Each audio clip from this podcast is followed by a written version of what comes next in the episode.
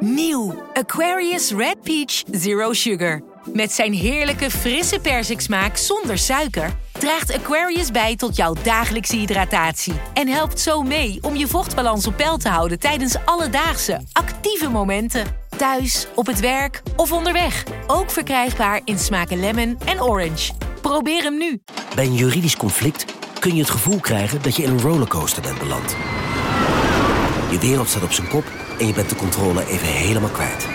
Dan is het fijn als je bent verzekerd bij ARAG. Daar werken topjuristen en advocaten die je begrijpen. Die een stap extra voor je zetten. En je het gevoel van controle teruggeven. Met kennis en informatie, met heldere uitleg en met gericht advies. ARAG, juridisch probleemoplossers.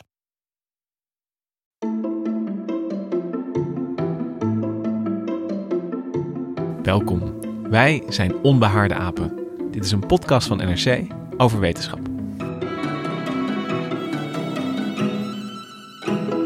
A rocket booster failed during the launch of the Soyuz spacecraft. It was carrying an American astronaut and a Russian cosmonaut to the International Space Station. It had to abort its launch. You can see them inside their capsule. They remained calm, unbelievably, throughout all of this.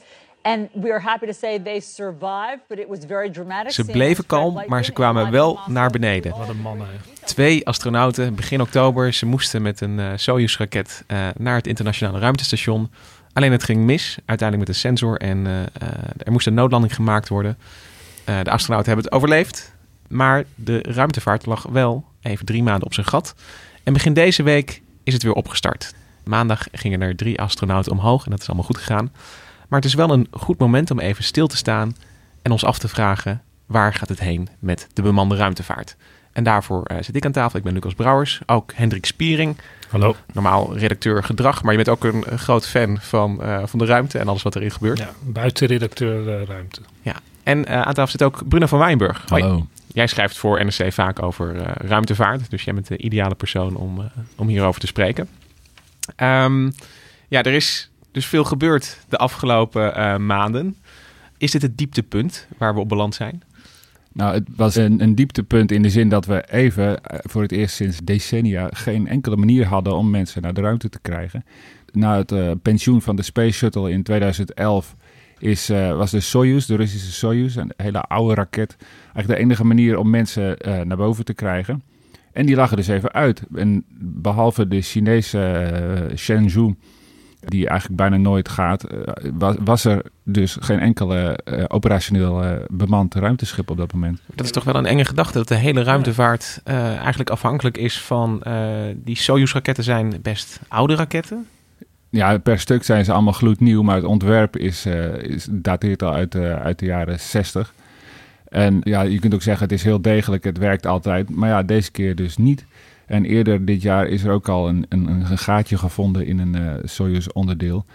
En dat wekt ook bepaalde vragen op over hoe goed uh, de Russen hun uh, productie op orde hebben. Is het eigenlijk bijzonder dat het internationale ruimtestation is een internationaal project, maar ja, we zijn dus volledig afhankelijk van, van de Russen hierin. Er, er, er zitten nou ja, veel, veel spanning in de politiek de laatste tijd. Die, ja. daar, daar heeft de ruimtevaart nooit zo'n last van, is, is mijn indruk. Maar... Nee, nee, het is echt een van de gebieden waarop uh, vijandelijke naties uh, voor het eerst gingen samenwerken. Rusland en Amerika al in de jaren zeventig. En het is ook een van de laatste gebieden die ze opgeven blijkbaar. En want de, de samenwerking dus de, tussen de Amerikanen en ook de Europeanen en uh, de Russen om, uh, met de Soyuz-raket werkt al, altijd eigenlijk vlekkeloos. Er is uh, nooit iets aan de hand. Ja, dus de Amerikanen die leren ook Russisch om met die raketten mee te kunnen bij ja. de opleiding. Dat spreekt ook enorm tot de verbeelding dat ze dan Russisch moeten leren. Ja. En dan leren ze de Russische ziel een beetje kennen. En als je ook documentaires ziet, dan zijn ze ook altijd heel ja, bijna overdreven dol op elkaar. Maar en, het is dus ook echt een verbindend project daar. Ja, het is ook win-win. Want de Amerikanen die, die hebben niks. En die kunnen de Russen nu gebruiken met uh, die raketten. En de Russen die houden de boel op de been uh, met het Amerikaans geld natuurlijk. Ja, die krijgen daar uh, enkele tientallen miljoenen per lancering voor betaald. Verder ligt de Russische ruimtevaart behoorlijk op zijn gat. Maar het zit de Amerikanen ook wel dwars. Want uh, toen de Space Shuttle ermee ophield, was het idee van nou, dan moeten we zelf uh, gauw een nieuwe raket uh, bouwen. En dat is er nog altijd niet van gekomen. Inmiddels zijn we zeven jaar verder en ehm, ja, dat, dat zit zeker de Amerikaanse ruimtevaartgemeenschap verschrikkelijk dwars. Ja, je ziet het ook dat als, het, als er dan een keer iets, iets misgaat, dan, dan uh, kan niemand iets doen eigenlijk. Nee, het, nee. het is gewoon wachten totdat het probleem is gevonden, totdat uh, de volgende Soyuz-raket klaar staat. Ja, ja, we zijn natuurlijk heel erg gewend geraakt van ja, daar kunnen we gewoon heen en daar hebben we mensen. Maar uh, ja, het is een heel dun lijntje. Het is heel moeilijk om daar te komen. Het is heel moeilijk om terug te komen. Het is eigenlijk ja, behoorlijk ver weg in die zin. En het is nou goed afgelopen, omdat er dus kennelijk het probleem was een sensor die de eerste trap uh, te vroeg of te laat uh, losliet. Ja. En ja, het is opgelost, dus dan gaan ze weer. Maar stel even, voor... even terug. De, een, een, trap is in. Ik, ik weet niet zoveel van raketten oh, okay. als, als, jullie een, allebei. Een, een, een, normale raket heeft uh, drie trappen. Dus ja. je laat eigenlijk gewoon uh, chemische uh, explosies de hele tijd. Dan gaat hij de lucht in. Ja. Bruno kan het beter uitleggen, denk dat, ik. Dat is echt gewoon een, een, een motor die... Ja, een raketmotor die verbrandt gewoon zuurstof en kerosine, denk ik. Hè? Ja, meestal kerosine, ja. En, en uiteindelijk vallen ze naar beneden. Dat is altijd. Ja, dus je hebt de eerste trap. En het probleem met, de, met raketten is altijd dat uh, je moet ontzettend veel brandstof meenemen. En dat moet je dus ook weer mee omhoog nemen. Dat, ja. het, het wordt het steeds groter natuurlijk. Het is een soort wapenwedloop tegen jezelf. Je begint met een paar kilo die je wil lanceren. Dan heb je brandstof en zuurstof voor nodig. Nou, dat weegt ook weer wat. Dus meer brandstof ja. en meer zuurstof. Oh, okay. En dat loopt helemaal uit de hand. En daarom is ook dat systeem met die trappen uitgevonden. Van de eerste trap, dat zijn gewoon uh, motoren, maar ook vooral uh, tanks. Als die leeg zijn, dan gooi je hem weg. Dan heb je die massa je tenminste kwijt. Het is wel een beetje jammer dat dat dan uh, gewoon verbrandt of neerstort. Um, dus ja, dat, zo gaat het met die trappen. En de, ja. dat afwerpen van die uh, trap, in dit geval zijn dat soort zijtrappen die aan de, aan de zijkant van die Soyuz-raket zitten. Dat ging mis en eentje knalde dus tegen de tweede trap aan. En uh, ja, dat, uh, dat ging niet goed. Nee, en is het, is het zo dat, want, want die astronauten die omhoog gingen, die maakten een noodlanding. Maar er zitten altijd astronauten in het ISS. Waren ja. die op enig moment in gevaar? Waarom zouden die in gevaar zijn? Nou, om, om, omdat ze, uh, ik, ik, weet niet, misschien hadden die, uh, die twee astronauten ook wel uh, heel veel bambiks die, die ze mee moesten nemen. nou ja, er zijn natuurlijk voor, voorraden en ze kunnen het wel een poosje uitzingen. Ja, ja maar op een gegeven moment, wat vooral een probleem was, dat, dat die Soyuz die eraan hing, dus dus altijd een, um, een capsule om terug te keren. Dat was ook die Soyuz waarin dat gaatje gevonden was. Op zich niet zo'n probleem, want dat gedeelte laat je achter. Maar die, die heeft alweer een certificeringsdatum. En die verliep in, in januari, geloof ik. En dan, uh, ja, dus dan kun je er officieel niet meer, meer mee terug. Nee. Nou ja, dat ding zal niet meteen uit elkaar vallen. Maar ja, je, je loopt inderdaad wel meteen tegen logistieke problemen aan. Uh, ja. Bij zo'n ongeluk. Er is ook nog wel eens, het is nog wel eens erger geweest. Want uh, in 1989 of in 1990, toen de Sovjet-Unie uiteenviel... toen zat er ook een astronaut in de meer. Toen hadden ze nog, dat was nog voor het ISS. En terwijl het land uit elkaar viel. De Sovjet-Unie viel uiteen in Rusland, Oekraïne enzovoort. Kazachstan, waar, die, waar die moest landen, werd ook een apart land. Behoorde niet meer tot de Sovjet-Unie. En die hebben ze maar laten zitten, geloof ik, een tijdje. Van eerst maar eens wachten tot het politiek stabiel is. En dan uh, komt dan maar weer terug. Hij ging in de Sovjet-Unie omhoog en, en, is in Kazachstan geland. Ja. ja. Dus hij, hij kwam met een uh, ver, ja, verouderd paspoort. Kwam hij, uh, hij kwam terug. met een verouderd paspoort terug, ja. Maar oké, we zitten dus in een uh, uh, situatie uh, afhankelijk van die Soyuz die daar omhoog gaat. Als er iets misgaat, is meteen goed mis. Maar er is hoop. Want we hebben een man die de ruimtevaart gaat redden. Elon Musk. Hi. Hey. All right. So, uh, welcome everyone. And I'm going to talk more about uh, what it takes to become a multi-planet species.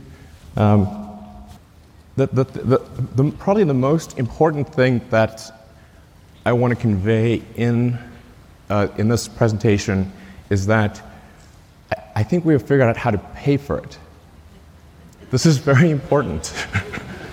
um, so, you know, in, in last year's presentation, you know, we're really searching for what the right way, you know, how, how do we pay for this thing? We went through various ideas, little Kickstarter, you know, collecting underpants. Um, these didn't pan out. Um, but, but now we think, we, we, think, we think we've got a way to do it, uh, which is essentially we want to make our current vehicles redundant. Je, verwacht toch een betere spreker? Wat een spreker is die man. Het is wel inspirerend, vind ik hoor. Gelijk over geld beginnen. maar wat hij zegt is, is eh, ik, ik ga presenteren hoe we een multiplanet species moeten worden. Dat is, dat is een ontzettend, ja, zou een inspirerende tekst moeten zijn. Maar ja, het, het is toch een beetje alsof er iemand voor, voor groep 8 een, uh, een spreekbeurt zet te geven dit. Maar hij zegt wel een paar hele belangrijke dingen, vind ik. Uh, crowdfunding werkt niet voor de internationale ruimtevaart. Wat een, een waar ding is. En waar halen we het geld vandaan? Ja, want waarom Elon Musk in deze podcast zit, is omdat hij zich toch wel heeft opgeworpen een beetje als de toekomst van de bemande ruimtevaart. En uh, ik, ik, ben eigenlijk heel benieuwd, Bruno, van Elon heeft ook wel heel veel uh, ja, raketten al omhoog gestuurd. Maar hoe moeten we dit nou zien? Hoe moeten we dit wegen? Is dit, gaat dit inderdaad uh, een alternatief zijn voor de Soyuz op een gegeven moment? Ja, dat is uh, bedoeling natuurlijk wel. Uh, hij is um, al vanaf zijn uh, jeugd geobsedeerd door ja, de raketten en we moeten naar Mars. En hij is als um, internetmiljonair gestart en heeft toen ja, enkele tientallen miljoenen dollars overgehouden aan avonturen met Zip2, een bedrijf. En dat heeft hij in SpaceX ge gepompt. Maar ja, hij was toch een beetje de, grap van de ruimtevaartindustrie. Want daar gaat het meestal uh, met honderden miljoenen. Hij heeft toen uh, raketten gebouwd, de Falcon 1. Die is drie keer ontploft. Kort na de lancering. Nou, daar wordt je reputatie ook niet beter van. Maar Musk heeft, heeft een soort Silicon Valley-achtige aanpak naar de ruimtevaart gebracht. En heeft dat ook gezegd van ja, we proberen het gewoon nog een keer, nog een keer. Dus hè, die iteraties. Uh, en uiteindelijk is het op de vierde keer, toen het geld bijna op was, uh, hebben ze een keer uh, wel iets gelanceerd. Ja, ook als het dan mislukte, dan reageerde die ook heel goed van ja, prima, dan kunnen we er weer van leren. Ja, precies. Nu, echt, nu zijn we al bij seconde 40 uh, ja. toen het pas misging. Ja. Dus dat, dat Amerikaanse optimisme van de... Dat hij heel sterk ja. nog steeds eigenlijk. Ja, ja zeker. Zeker iemand die altijd uh, te Maar hij heeft ook gelijk, want ja, je, je leert pas als het misgaat natuurlijk. Maar ja, jammer dat er dan een satelliet ontploft die er bovenop zit. Maar, ja, maar, nou, op het laatst gingen met ook alleen nog maar dummy ladingen mee. Um, dus uh, iets wat geen kwaad kan als het, als het neervalt. Maar ja, die aanpak is NASA heeft natuurlijk ook eindeloos raketten opgeblazen in de jaren 60. Maar dit kunnen ze zich nou absoluut uh, niet meer veroorloven of er nou iemand in zit of niet. Dus dat is uh, helemaal dicht geregeld. En ja, wat dat betreft is zijn aanpak uh, ook hier best verfrissend geweest. Maar je, maar je zegt dus eigenlijk, dat voor de NASA is dat risico te groot om... om ze zijn natuurlijk flink op hun neus gegaan met de Space Shuttle... die op een gegeven moment eigenlijk is geschrapt uit, uit de programma's. Ja. de, de NASA kan niet meer... Uh, heeft niet meer het, het, geld of de beweegruimte om eigenlijk een, een, een nieuwe raket uh, te ontwikkelen. Nou, NASA werkt nu wel aan een nieuwe raket, uh, Space Launch, Launch, System. Maar waar zij een beetje um, waar ze problemen mee hebben, is dat, ja, dus dat ze heel weinig ruimte hebben om iets nieuws te proberen en om, om kosten te, te reduceren. Uh, er is een systeem waarbij al die uh, componenten worden uitgezet bij verschillende bedrijven. En dat, dat moet dan uh, heel goed gecertificeerd zijn. Het moet in allerlei verschillende staten zijn, want iedereen wil er wat van terugzien. ja, omdat de, de, de, overheid die betaalt dat. En iedere senator die, wil, die voor de NASA-begroting stemt, die wil dat zijn staat ook wat werkt. Precies, ja, Oké, okay, wij zijn hiervoor, maar dan moet in, in, in onze staat moeten de boosters gebouwd worden. En dat, en dat systeem is natuurlijk in de jaren 60 heel snel opgetuigd. En dat, uh, ja, dat, dat hindert nu. Um, NASA zit bovendien ja, vast aan allerlei uh, andere budgettaire um, uh, verplichtingen. Ze zijn bezig met de James Webb Space Telescope. Die zou eerst een miljard kosten en die kost nou 9 miljard. Dat soort dingen, um, ja, dat remt hen heel erg af. En dan zie je dat zo'n zo'n nieuwe speler, zo'n SpaceX, die heeft eigenlijk veel meer, om, omdat ze niet uh, ja, vasthangen aan, aan een overheidsbudget. Ja. Zij kunnen ook uh, meer experimenteren eigenlijk. Ja, en ze kunnen een keer gewoon uh, een flinke blunder maken. Er is laatst ook een, een Falcon 9 gewoon op het lanceerplatform ontploft. ja, dat is natuurlijk wel een probleem in die zin dat, dat moet alles weer nagekeken worden en zo. En niemand gaat, gaat dan zijn satelliet mee, naar boven sturen. Maar ja, SpaceX overleeft dat en heeft bijvoorbeeld ook eindeloos geëxperimenteerd met de eerste trap om die weer te laten landen. Dat je hem opnieuw kan gebruiken. Dat is een van zijn, zijn ideeën van ja, het is echt waanzin dat we die raketten afschieten en dat ze dan terugvallen en verbranden of neerstorten. Want dus eigenlijk is het gewoon een prima motor die je opnieuw zou kunnen gebruiken. Ja, er, er zit een, dat, dat is iets wat miljoenen kost om te bouwen. Waarom zou je dat um, uh, ja, weggooien? Ja. En, en, daar is hij dus ook in geslaagd. Ook weer steeds met eindeloos veel mislukkingen. En is, hij heeft zelfs een filmpje uitgebracht van iets van tien keer dat die raket probeert te landen en dan uh, ontploft of omvalt of ernaast komt. En, en, en, en, er zat een vrolijk muziekje onder, dus hij viert ook zijn mislukkingen. Van ja, dat is wel een kans om het beter te doen. Ja.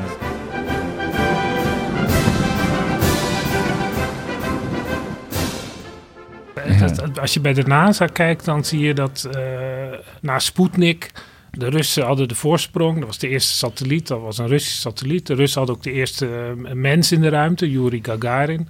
En de NASA moest dat oplossen voor de Amerikanen. En uh, die hadden dus enorm de wind in de rug. dat ging allemaal geweldig. Man op de maan, dat is natuurlijk een enorme prestatie geweest.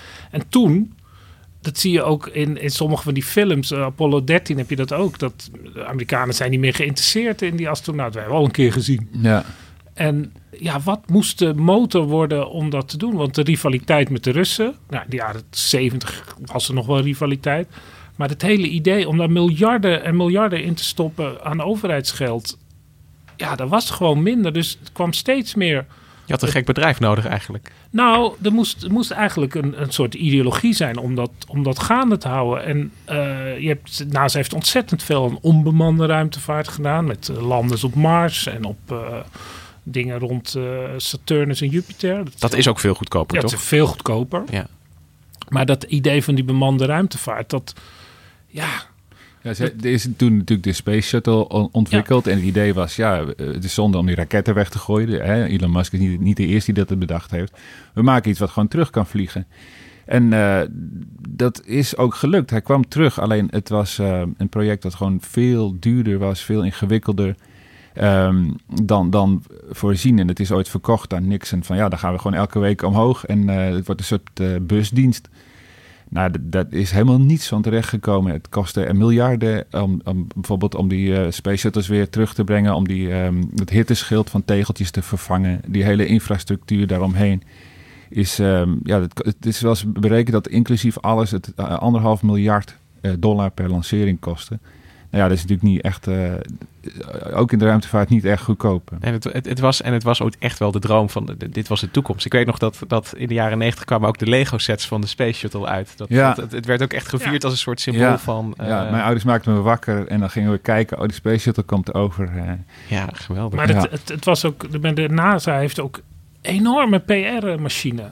En je ziet dus dat Elon Musk, die, die heeft ook een enorme PR-machine, maar die ik vind het zo knap dat die, dat is een, wat, wat jij zegt, Bruno, zo'n filmpje met mislukkingen. Dat zou de ja. NASA nooit durven nee, doen. want dan niet. Nee. gelijk in het congres. Uh, wat is NASA gek geworden en onze dure ja. centen. En, uh, en ja. wat gaat nou straks de grote lakmoesproef voor, uh, voor Musks? Want, want hoeveel raketten heeft hij inmiddels? En, en wat moeten die straks gaan doen?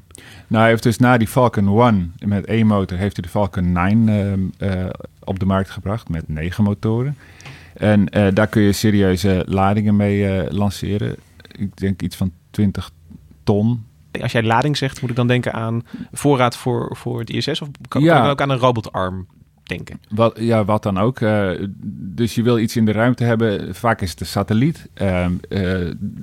Musk heeft inmiddels ook een paar keer een ruimtes, of een voorraadschip voor het ISS, de Dragon, gelanceerd. het kan dus een zonde zijn die naar Jupiter gaat. En uh, meestal wordt het dan um, afgemeten in hoeveel kilo je naar een lage baan om de aarde. Dus dat is, dat is een baan op 400 kilometer hoogte, waar dus ook het ISS zit. En dan zoveel ton. Uh, als je verder wil, dan heb je dus meer snelheid nodig. Dus dan gaat de massa omlaag. Um, dus, maar goed, de, de Falcon 9 uh, was dan een serieuze raket. Veel mensen hebben die, die gaat er ook ja, iets van tien keer per jaar inmiddels. Dat is gewoon routine geworden. Begin dit jaar heeft hij de Falcon Heavy uh, gelanceerd. Dat was die stunt met die, uh, met die auto en die, uh, die, die man. Die, de Spaceman. De Spaceman. Ja. Nou, dat is ook weer zo'n dummy lading. want mensen durven dat nog niet aan in een nieuwe raket. En dan denkt hij, weet je wat, ik heb nog een Tesla. En um, ja. dan maken we er een PR-stunt van. En die Falcon Heavy was eigenlijk drie Falcon 9 raketten aan elkaar. En dan kun je dus nog meer lading lanceren. Het is dus best moeilijke coördinatie. Want dan heb je dus uh, 27 raketten die allemaal op de juiste manier ja. aangestuurd moeten ja. worden. Als en er eentje hapert, dan maakt hij een bochie natuurlijk. En, en in, in dit geval is, is groter gewoon meer. Hiermee kun je meer lading uh, ja, uh, omhoog brengen. Grotere satellieten of, of, of uh, apparaten. En, en, maar dat, dat is allemaal nog ehm, dingen in een baan om de aarde ja, brengen. Ja, ja, ja. Nou ja, hij heeft, hij heeft gezegd die Falcon Heavy, dat is leuk, maar uh, we moeten onze aandacht te veel verdelen over verschillende raketten. Hij heeft uh, in 2016 heeft hij een ander concept gelanceerd en dat is een hele grote raket. Dat is geëvalueerd en vorig jaar heeft hij daar een praatje over gehouden. Dat is de BFR. De, uh, dat staat voor, zogenaamd voor Big Falcon Rocket, maar het is ook een verwijzing naar een, uh, een geweer in het de first person shooter game Doom. Oh. Dus de big fucking gun. Ja. Nou ja. En dan, dan maakt hij de big fucking rocket Big van. fucking rocket, want Elon kan alles maken. En um, dat is in, inmiddels een, een, raket met twee trappen, die allebei herbruikbaar zijn van 9 meter doorsnee, wat echt enorm is. En ja, iets van 118 meter, dus echt gigantisch.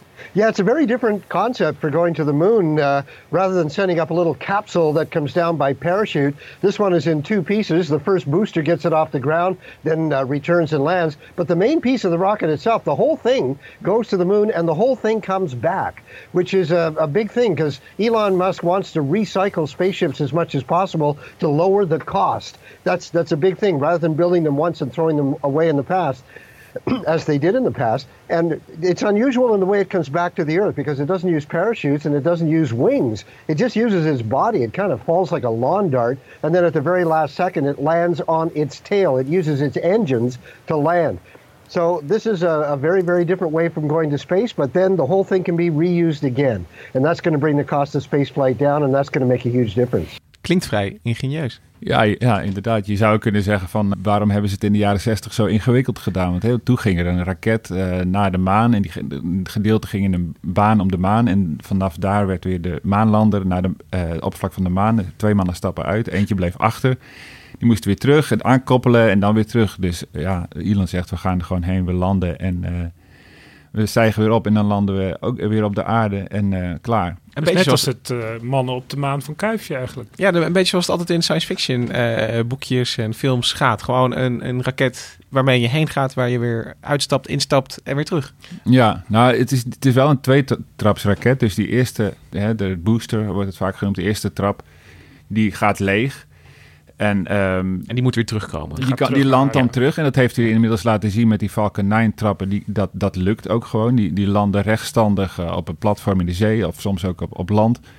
Bij de, bij de Falcon Heavy landen dus alle drie uh, keurig naast elkaar. En de, ja, dat, dat is eigenlijk iets wat, wat altijd een beetje um, niet zo serieus genomen werd.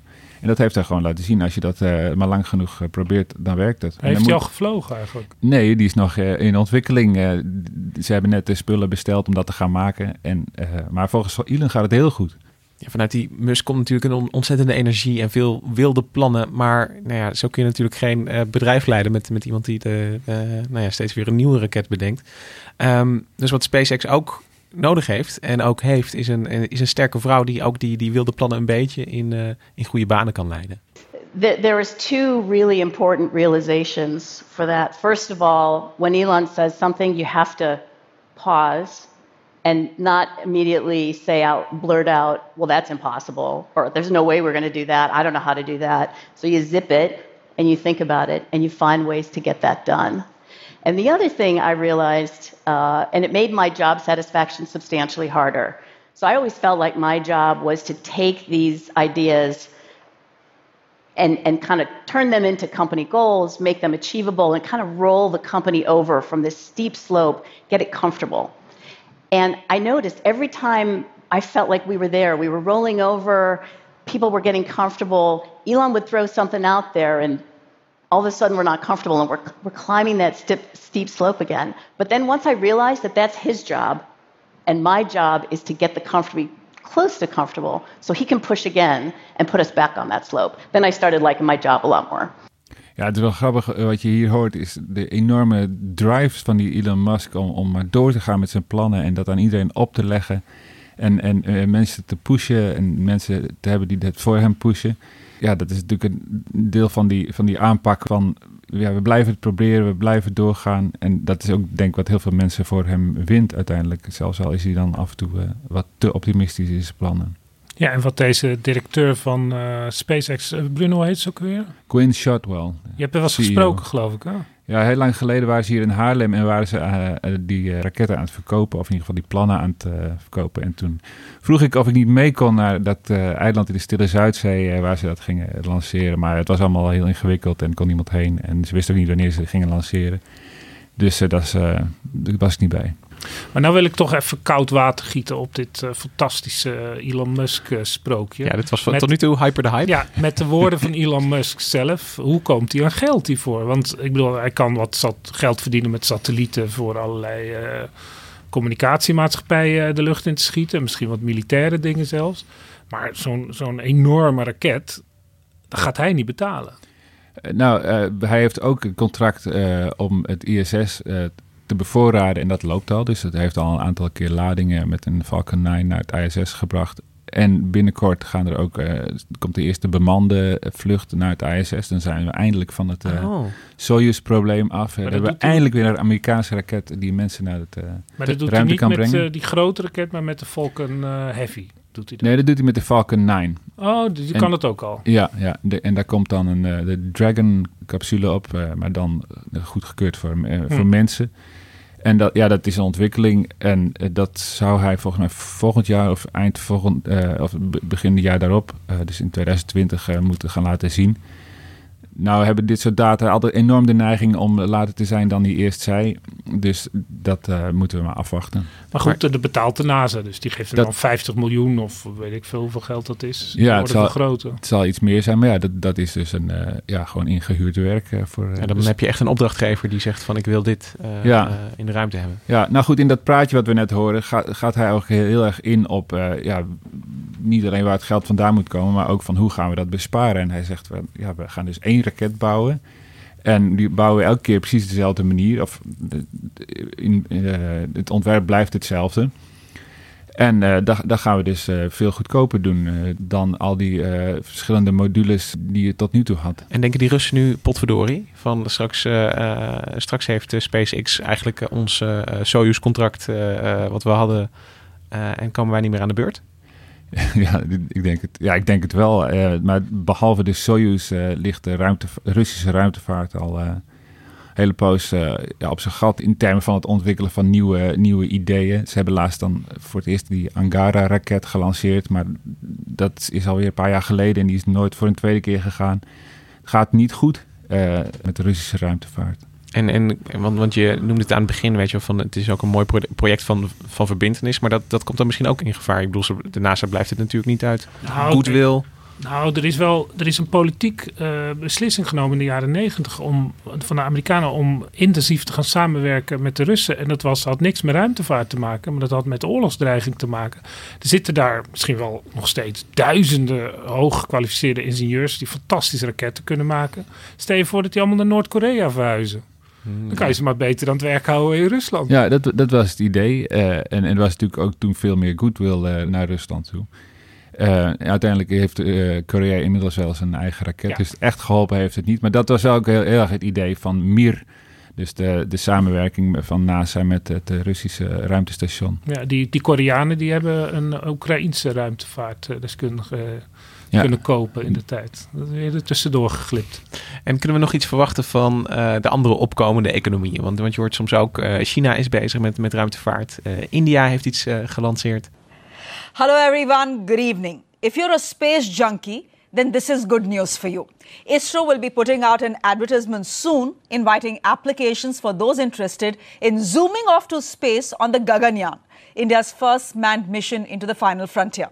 Preference, we are being told, will be given to trained pilots, but ISRO's chairperson is on record to say that regular citizens like you and me can apply as well. Over the next 40 months, India's Space Research Organization will be putting its money, its manpower, and expertise into propelling three Indians into space for five to seven days, and all this before India's 75th Independence Day. The mission would make India the fourth nation to launch a manned space flight after Russia, US, and China. And rest assured, given ISRO's reputation, we will do it at a fraction of the cost. Ja, dus van de Russen verwachten we wat minder. De Amerikanen zijn bezig met SpaceX. Maar India gaat ook lekker als ik deze werving zo, uh, zo hoor. Ja, ja, schrijf je in. je moet waarschijnlijk wel uh, van India's afkomst zijn.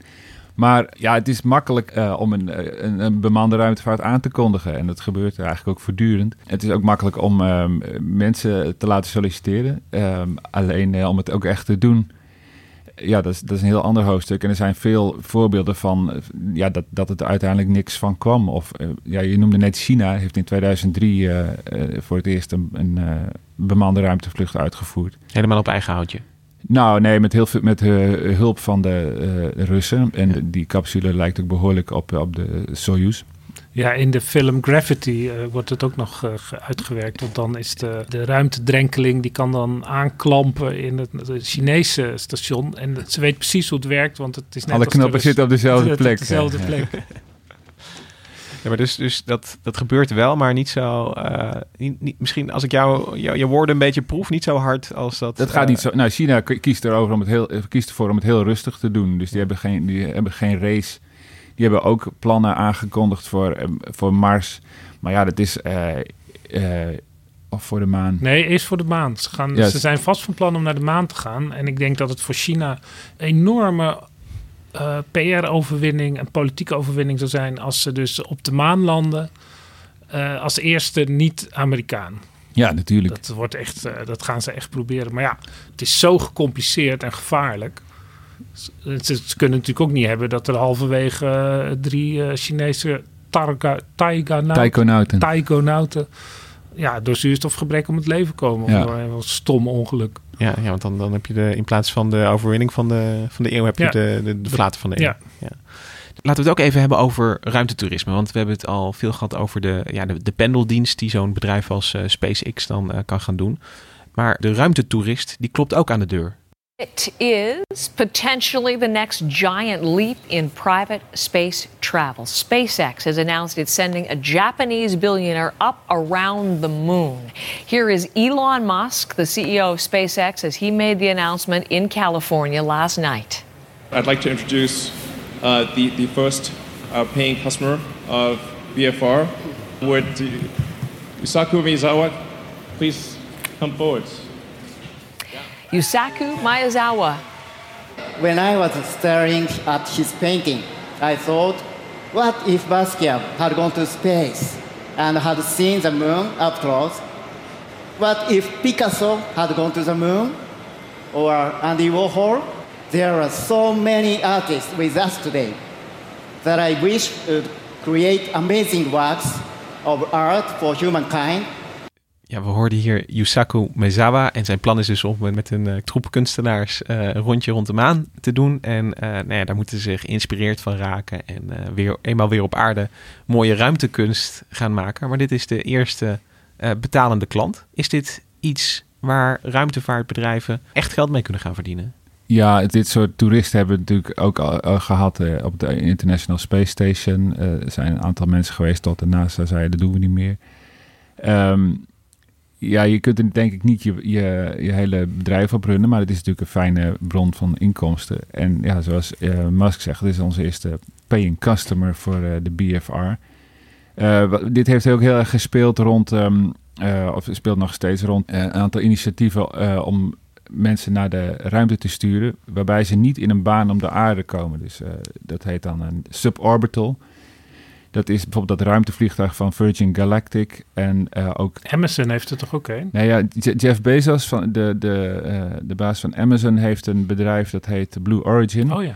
En die hebben de, ook een raket, die is al een paar keer is naar de rand van de ruimte, is op ongeveer 100 kilometer geweest. En ook rechtstandig geland. Dus dat uh, heeft echt, dat, dat, dat rechtstandig landen, dat is echt helemaal um, dat is hip. Maar da, da, dat is helemaal hip. Daar, daar horen we nooit zoveel van, van die, nou van ja, andere bedrijven. Er wordt, er wordt in de ruimtevaart wordt daar soms een beetje uh, wordt het gezien als niet echt uh, bemande ruimtevaart, omdat je, je gaat wel naar die hoogte, maar je komt niet op die snelheid om een, in een baan om de aarde te komen. Dus dat is suborbital. Orbital, dan kom je in een baan om de aarde en dan zou je eventueel ook verder kunnen. Dus in die, in die zin is het gewoon, ja, je gaat naar de ruimte. En dan val je weer terug. Het is eigenlijk een sprong, het is een sprong omhoog en omlaag. 10 minuten of zo. En dat is, uh, ja, je bent dan een paar minuten daar uh, en zetten ze de motor uit en dan, dan ben je dus gewichtloos en dan zie je de, de aarde onder je. En uh, dus, je bent echt wel in de ruimte. Maar het is veel makkelijker te doen in termen van hoeveel brandstof en hoe krachtige raketmotor je moet hebben. En ook de snelheden die je ook weer kwijt moet zien te raken. Je hebt geen hitteschild nodig. Dus, een beetje speelgoed eigenlijk. Ja, een echte, echt, het is geen, niet, wordt niet gezien als helemaal uh, 100% uh, volbloed ruimtevaart. En zelfs dat, want Emerson die had, uh, oh nee, Virgin Galactic, ja. die had ook enorme problemen met een, ja, dat, een dat is wel, piloot en zo, verongelukt. Begin, begin jaren nul kwam er een aantal bedrijven, dat heet dan New Space, die gingen allemaal hun eigen concepten ontwikkelen. Tot dan toe had iedereen altijd braaf gedaan wat NASA bestelde, maar toen is er een de Spaceship One, uh, ontwikkeld door het bedrijf, uh, bedrijf Skilled Composites, is toen uh, naar 100 kilometer hoog gegaan en terug. En daarna binnen twee weken weer. En daarmee wonnen ze een belangrijke prijs van Google. 2004 lukte dat. En het idee was, nou ja, dat kan.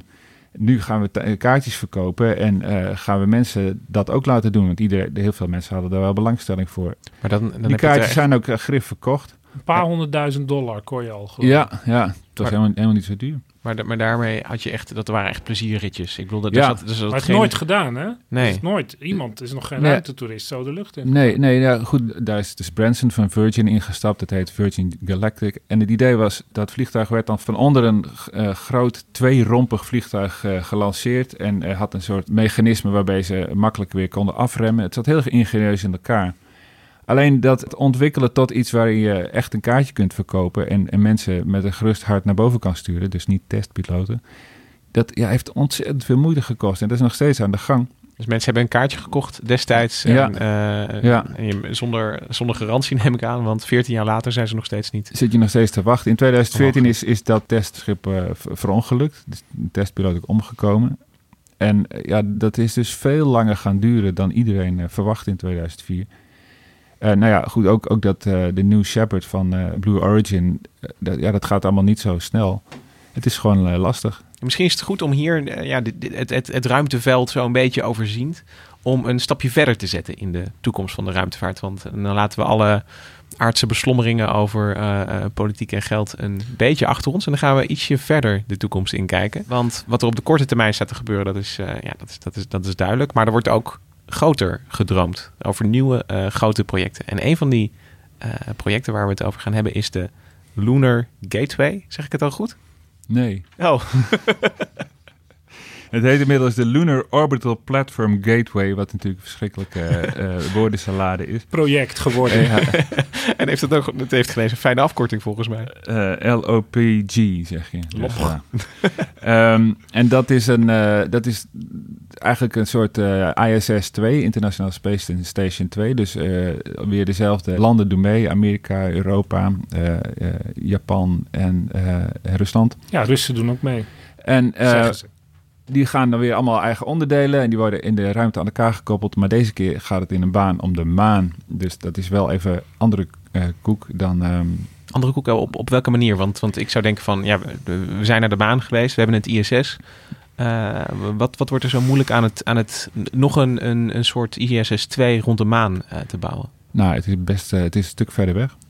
En bij het ISS, als daar brand uitbreekt, of, of wat dan ook, dan ben je binnen een paar uur, zijn die mensen terug.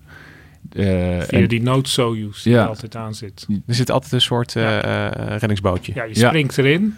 En als je geluk hebt, want je moet natuurlijk op het juiste moment uh, lanceren, dan kan je gelijk door naar Kazachstan.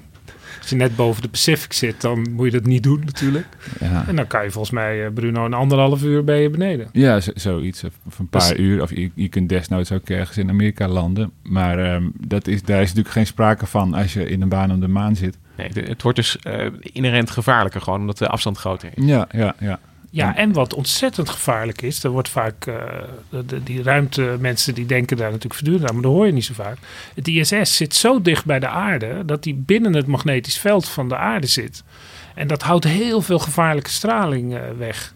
En uh, bij, de, bij de maan sta je gewoon naakt tegenover het universum. Die, zoals ze nou altijd zeggen, the universe is out to kill you. Dus in, in, bij, bij het ISS zit je nog een beetje in, in, de, ja, in die beschermende wolk. Ja. ja, absoluut. Als er, ja, als er een goede uitbarsting van de zon komt, dan word je hier doorzeefd uh, met, uh, met deeltjes. En, en dat, dat worden wij door, beschermd door onze atmosfeer, maar ook door het magneetveld. Ja, en dan hoor je heel vaak over ruimtejunk, wat dan rond de aarde zweeft. En dan moeten ze wel ook wel eens voor schuilen, als er dan een heel klein stukje, die zou dan dwars door het ISS komen. Maar bij de maan heb je natuurlijk ook allemaal stof wat daar gaat. En ik, ik, ik, ik uh, nee, Bruno? Nee? Nou ja, misschien. Uh, ik, ik, ik, ik las laatst over hoeveel meteorietjes daar eindeloos op die maan inslaan. Ja, maar rond de aarde is natuurlijk meer uh, puin van, ons, van onszelf. En ja, overal zullen er meteorietjes door de, de ruimte schieten. Dus de straling is een groter gevaar dan, uh, dan uh, ruimtebrokjes. Ik denk, ja goed. Ah, ik, denk, ik denk het wel. Maar. Ja. Dus, en, dat is wat dat betreft is veiliger, kennelijk. En dan, dan hebben we het over, dit, dit, project is aangekondigd. Ik, ik zag persberichten van de NASA af en toe. Dit is een project op een termijn van in 2000 24, 28 moet dat Ja, ergens in, ik geloof dat de eerste lanceringen 2022 onbemand, 2024 uh, bemand. Maar dat, dat is dus van die raket. En die moeten dan met onderdelen van die um, uh, Lunar Orbital Platform Gateway. Uh, ja, je moet even kijken, het spreekt nog niet op de verbeelding hoe je dat spreekt. Het heette eerst Deep Space Gateway, dat kon ik, uh, kon ik wel vertekenen. Maar, maar goed, het is waarschijnlijk een compromis geworden met een andere naam. En dat is misschien ook een beetje de, hoe, hoe dat dan gaat. Want het is, dat zijn van die projecten die steeds weer uh, muteren en duurder worden en um, uh, iets anders van opzet worden. Kun, kunnen we iets zeggen over die 2022? Ik bedoel, dat klinkt heel vroeg. Ik bedoel, dat is al over vier jaar. Er is geen raket. Er is nu geen raket die dat kan. Nee, en zoals ik net al zei, wat, nu, wat wij 2022 noemen, dat is waarschijnlijk niet 2022, want de ruimtevaartprojecten lopen altijd uit. Ja. Dus um, maar goed, je moet een datum vaststellen, dus dan zeg je 2022. Ja, ja. En het, uh, ik, ik zit nog toch nog een beetje over die naam, want Lunar Gateway en dan komen er nog een paar uh, dingen achteraan. Maar dat klinkt uh, heel erg uh, sci-fi. Het, is een, het is een soort maanpoort. Ja. Van dat, dat klinkt als een, als een springplank. Nee, dat is, dat is het ook wel. Het universum in. Ja, en, en er zitten ook onderdelen bij dat we dan inderdaad weer terug naar, gaan naar de maan. En wat dat betreft moeten we ook niet zo zeuren. Dat, dat zijn NASA-plannen, maar het is wel voor een terugkeer naar de maan. Dat willen we, ja, dat willen we allemaal. Aan de andere kant is er ook kritiek op die plannen van want ja, we zijn al op de maan geweest. Uiteindelijk willen we naar Mars. Het, tenminste, uh, als we in Elon geloven. Jij wel. Uh, wil naar Mars. ik, wil, ik wil naar Mars. Het is mooi geweest hier. en, um, en er zitten geen concrete plannen in om, om, om daar uh, op, de, op de maan te landen. Dus het is ook een beetje van, ja, waarom ga je daar een ruimtestation bouwen? Wat, wat zouden ze gaan doen? Zijn er ja, ik vind, ideeën over? Ik snap het helemaal. Ik zou, als ik een plan zou maken, zou ik het ook zo doen. Kijk, naar die Chinezen, doen het ook heel rustig. Dit is gewoon stapje voor stapje. Het wordt een totale revolutie dat we dat er voor het eerst echt mensen min of meer permanent echt in de ruimte zijn en niet in zo'n low orbit zoals het ISS. En dat zijn totaal nieuwe problemen. Ja. En dan kan, je, dan kan je maar beter klein beginnen. En het, wat, mij, wat, wat mij enorm aanspreekt, is ook dat het een soort oefening is voor hoe het op Mars zou moeten. Namelijk ook niet heel ingewikkeld landen daar. Dat kost ook allemaal vreselijk veel energie. Dan moet je weer opstijgen. Dan ga je natuurlijk ook in een baan omheen. En dan kan je met kleinere dingetjes misschien landen. Of wat, wat, wat je in die NASA-dingen leest. Zo denken ze. Dat vind ik eigenlijk ook wel heel aantrekkelijk. Vanuit die satelliet die er dan omheen gaat. Dat, dat, uh, dat willen ze op de maan ook doen. De karretjes besturen. Die dan, de robots die dan op de maan of op Mars zijn dingetjes doen. En dan kan je uh, direct besturen. Het kost maar misschien een half seconde tijd voordat, uh, voordat het signaal er is. Een beetje zoals je met je afstand bestuurbare autootjes ja. door, de, door de huiskamer scheurt, kun je dan ook ja. de maankarretjes besturen. Oké, okay, ik zie jou glunderen en ik zie jou, jij zei net Bruno, van de, iedereen wil terug naar de maan. Maar mag ik dan toch even zeggen dat ik het weinig visionair vind? Ik bedoel, het ISS is toch een soort ja, veredelde ruimtebuis waar je in kan wonen. En dan gaan we er ook nog eentje maken uh, bij de maan. Ja, maar ik, dan moet ik nog even een ander plan noemen wat de NASA hier heeft. Ze willen namelijk een planetoïde vangen. Of een kleintje van een meter of 10, 20. Vangen? Ja, dus er komt dan een... Uh, ja, maar dat, dat de Asteroid uh, Capture Mission. Ja, ja maar die, dat, is, dat is afgeschoten inmiddels. Is dat afgeschoten? Dat, ja, daar heb ik een heel stuk over geschreven. Allemaal voor niks. Oh, wat anders. Want die zou dan ook in een baan om de maan worden gebracht. En dan zouden ze daarop kunnen gaan oefenen ook. Dus er is van alles te doen dan. Ja. maar, dat gaat dus niet door. dat, was de, dat was de Obama, denk ik. Uh, dus oh, okay. dat, dat heeft en je hebt ook nog de Asteroid Redirect uh, project. Ja, dat is hetzelfde. Oh, ja. dat is hetzelfde. Ja, ja, maar is dit nou, niet, valt weer tegen. Is, dit, is dit niet het grote probleem van dit? Ja, want, want we zijn nu ietsje verder aan het, aan het dromen. Dus. En jij zegt van ja, dit, dit was in de Obama-jaren aangekondigd. Dit project uh, uh, heeft in de Trump-jaren. Uh, ik, ik weet niet of dat, of dat precies de doorslag heeft gegeven. Maar je merkt al wel dat mensen daar niet enthousiast over waren. Van waarom in godsnaam een, een asteroïde binnenhengelen? Wat, wat is dit voor plan? Nou ja, dat, dus misschien zit er wel goud in. Of ja. titanium. Of god weet wat voor metaal wat we zoeken. Nou ja, maar het idee was van we moeten iets doen in de ruimte. Ja. Laten we dat dan gaan doen. En nu is het dan, we gaan in de baan om, om de maan. Ja, uh, jij raakt er enthousiast van. Andere mensen zeggen, wij, wij moeten per se naar Mars. Ik hou van kleine stappen. Maar het, het, is wel iets waar Amerikaanse presidenten mee kunnen scoren, toch? Met een lekker ruimteplan. Want uh, nou ja, hier, hier werd ook alweer een, een fijne aankondiging aangegeven door uh, Mike Pence destijds nog. While our sights are once again set on our lunar neighbor, this time we're, we're not content with uh, just leaving behind footprints. Or even to leave it all. This time, has, the time has come, we really, believe, for the United States of America to take what we have learned over these so many decades, put your ingenuity and creativity to work, and establish a permanent presence around and on the moon. Wat je hoort, eerst zegt hij dus, uh, hij heeft het over your creativity, niet over our creativity. Hij spreekt helemaal niet als land. Deze vicepresident van Trump, die uh, de ruimtevaart mag doen. Maar wat hij ook zegt, is heel neerbuigend over... Nou, we gaan veel meer doen dan footprints achterlaten. Weet je, dat hele Apollo-project wordt als een soort uh, afvaldoos uh, weggegooid. Ja, maar je moet toch over, over de voorganger heen, lijkt me, in de, in de optiek van Pence. Ja, maar het, je, het, je, voelt, je hebt het ook al, jouw sceptisch over die, uh, die, die Lunar Orbiter uh, Platform Gateway, of wat was het? Project. Project geweest. Die, dat snap ik ook wel. Want wat is de motor om, achter, om, om zoiets te gaan doen? Dat hoor je bij die Pence ook. Wat, ja, als je dat vergelijkt met, met, met Kennedy, uh, waarin het een soort nationaal project wordt om te laten zien hoe geniaal iedereen is. Ja, ik, ik, maar dat, had ook, dat had ook een heel duidelijk uh, doel van dat, dat gaan we doen. En uh, de Lunar Orbital Platform Gateway is meer een soort van ja, we gaan het doen en dan. ja, dan kunnen we dat en wie weet wat er nog meer van komt. En we, we denken aan Mars, we denken aan, aan de maan. Plus dat het natuurlijk makkelijk is om iets aan te kondigen als president, wat pas na je hopelijk tweede termijn um, ook echt moet gaan gebeuren. Vers 2 is natuurlijk genoeg geld daarvoor uittrekken. En, en, en ja, dus alle presidenten kondigen wel eens een keer een terugkeer naar de maan aan. De vraag is of je het ook echt voor elkaar krijgt. Maar ik, ik, ik was er niet in, in de jaren 60, maar ik, ik heb altijd het gevoel als, er, als het erover gaat, dan klinkt het wel altijd alsof er een soort energie was van, van mensen geloofden in dat soort projecten. En dat heb ik uh, als, als deze pens dit, dit aankondigt.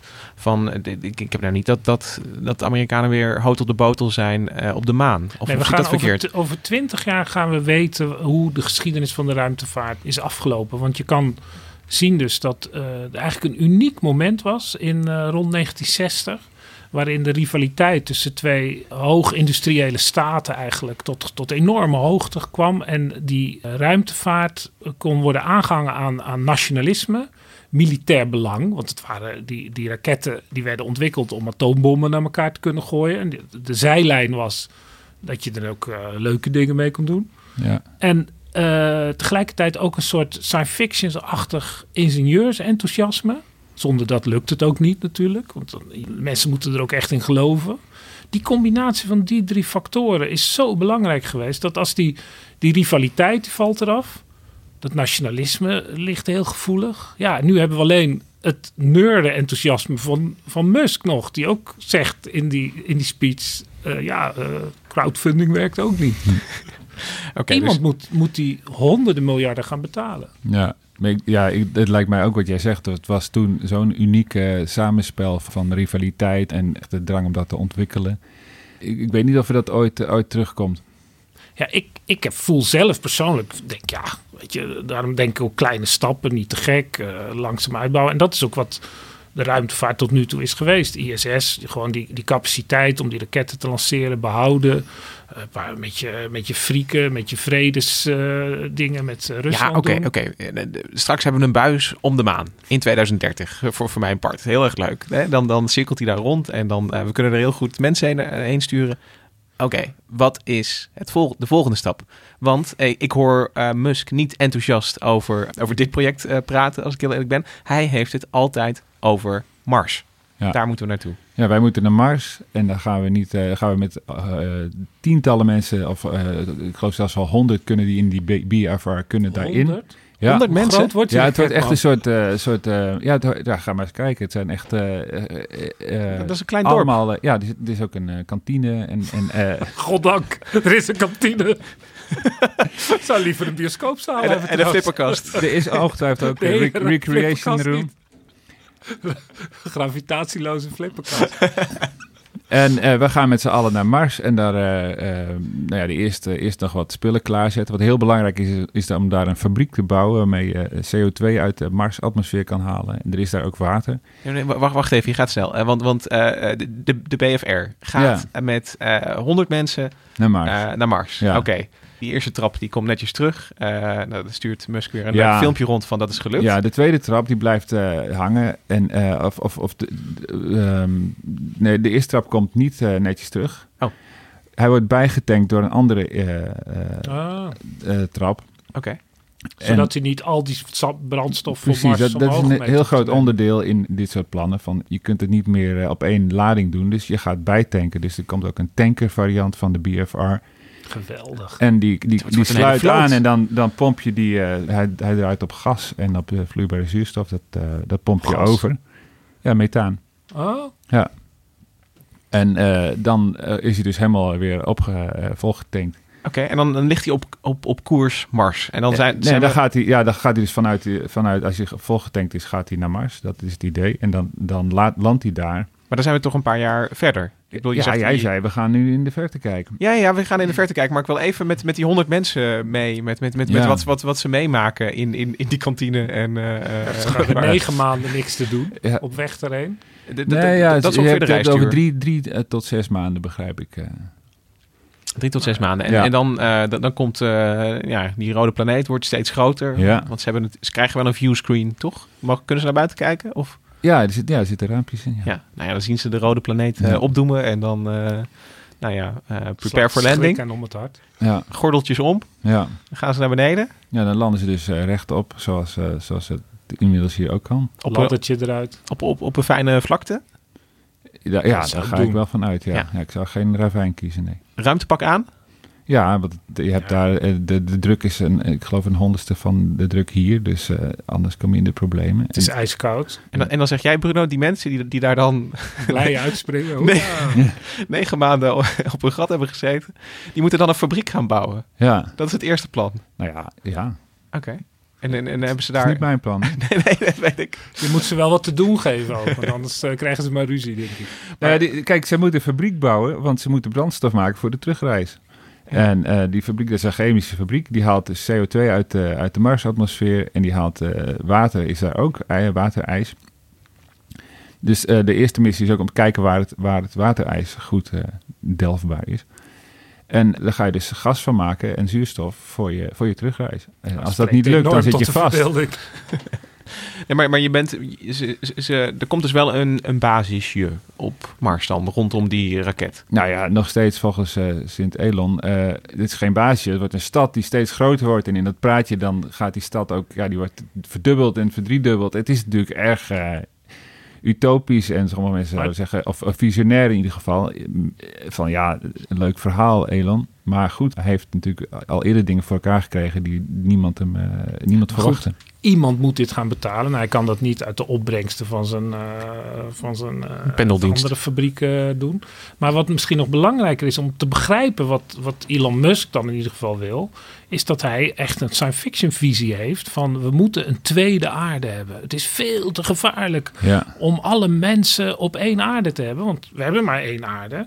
Dus het kan van alles misgaan. Dus we moeten een reserveplaneet hebben. En dat moet Mars worden. Dus Ja. het is een heel Ja, echt een kosmisch concept. Het is echt, geen regering op de wereld heeft. Ja, hij zegt ook als we hier een, kernoorlog krijgen, dan, dan zijn we uitgestorven. Maar als we op Mars zitten, dan, dan, zijn we gered. We moeten multiplanetary species worden. Ja, dat, is was, echt de dat was die eerste zin van zijn presentatie. Ja, en dat, dat, ja, dat komt volgens mij rechtstreeks uit science fiction die hij als, als kind eindeloos verslonden heeft.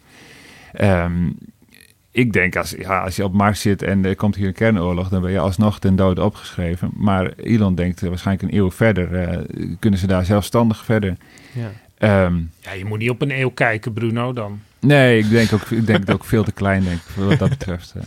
Nee, maar dan die Lunar Gateway, die hebben we dan al, uh, ja, die ligt dan al ver achter ons. Maar die overleeft natuurlijk ook. Dat maar, moeten we niet vergeten. Maar uh, Hendrik, jij was zo voor die voorzichtige kleine stapjes. Moet je dan ook niet eerst een ruimtestationnetje rond Mars bouwen nou, voordat je naar beneden gaat? We zitten nu toch in de toekomst ver te kijken. En dat ruimtestationnetje is er eigenlijk al. Dat heet namelijk de maan Phobos van Mars. Okay, dat is, uh, Mars heeft twee hele kleine satellieten, dus niet te vergelijken met uh, de maan. En uh, Phobos hebben ze goed bestudeerd met een paar sondes. En die bestaat waarschijnlijk uit, uit los puin wat bij elkaar zit. Met heel veel gangen erin. Dus dan kan je waarschijnlijk heel goedkoop tot ruimtestation ombouwen. Want dan heb je ook genoeg materiaal om je heen om uh, veilig te zijn tegen de kosmische straling die uh, je leven zuur maakt in de ruimte. En dan kan je van daaruit heb je daar een basis. Dat is ook veel goedkoper, hoef je ook niet een dure fabriek op Mars te zetten. En dit is ook wel wat de NASA wil. En dan weer met joysticks de robots op uh, Mars uh, besturen. Oh, ja, ja. Maar, maar ook dan wil je nog een keertje terug, denk ik. Ja, maar ik denk dat het vanuit een baan om Mars wel iets goedkoper is. Maar ja, je houdt grote problemen. Ja, het voordeel is, je hoeft niet af te dalen in die atmosfeer. En je hoeft ook niet terug te ploegen door die atmosfeer. Want, daar, daar gaat veel energie uh, Ja, dat is, waar, dat is waar al die raketten zo moeite mee hebben. Je moet dus uh, door al die lucht heen, uh, heen worstelen en, en tegen die zwaartekracht in. En op een satelliet of in een baan om een planeet is dat, is dat uh, allebei veel minder. Dan zit je al in een soort slingshot ja. rond uh, de planeet. Goed, het, uh, ik, bedoel, ik, ik doe er nou een beetje makkelijk over, maar het is natuurlijk een nachtmerrie om dat zo'n. Ik zit alleen maar aan die, aan die andere mensen, aan die arme mensen in die tunnels te denken. Die, ja, het klinkt toch niet een beetje als het droomleven van een, een nieuwe start nee. buiten de aarde. En dan ja, zit je in een, in een tunnel op Phobos. Nou ja, alle astronauten die zijn altijd weer blij als ze weer op aarde zijn. Ja. Ja, ik, ik, kan me de beelden van uh, André Kuipers uh, herinneren, die, uh, die, die stralend. hij voelde zich ontzettend. Ja, maar hij toch twee duimen omhoog en een grote glimlach. Ja, op meer had je ook zo'n experiment dat ze ook extreem lang zouden blijven. En ja, op een gegeven moment was de commandant, die zat alleen maar liedjes te componeren en te spelen op zijn gitaar over de regen en de wind in je gezicht. En dat hij daar zo naar terug verlangde. En, ja, dat zijn mooie dingen. Ze krijgen vast ook een, een, een, telescoopje mee, toch? Om af en toe naar de aarde te kijken.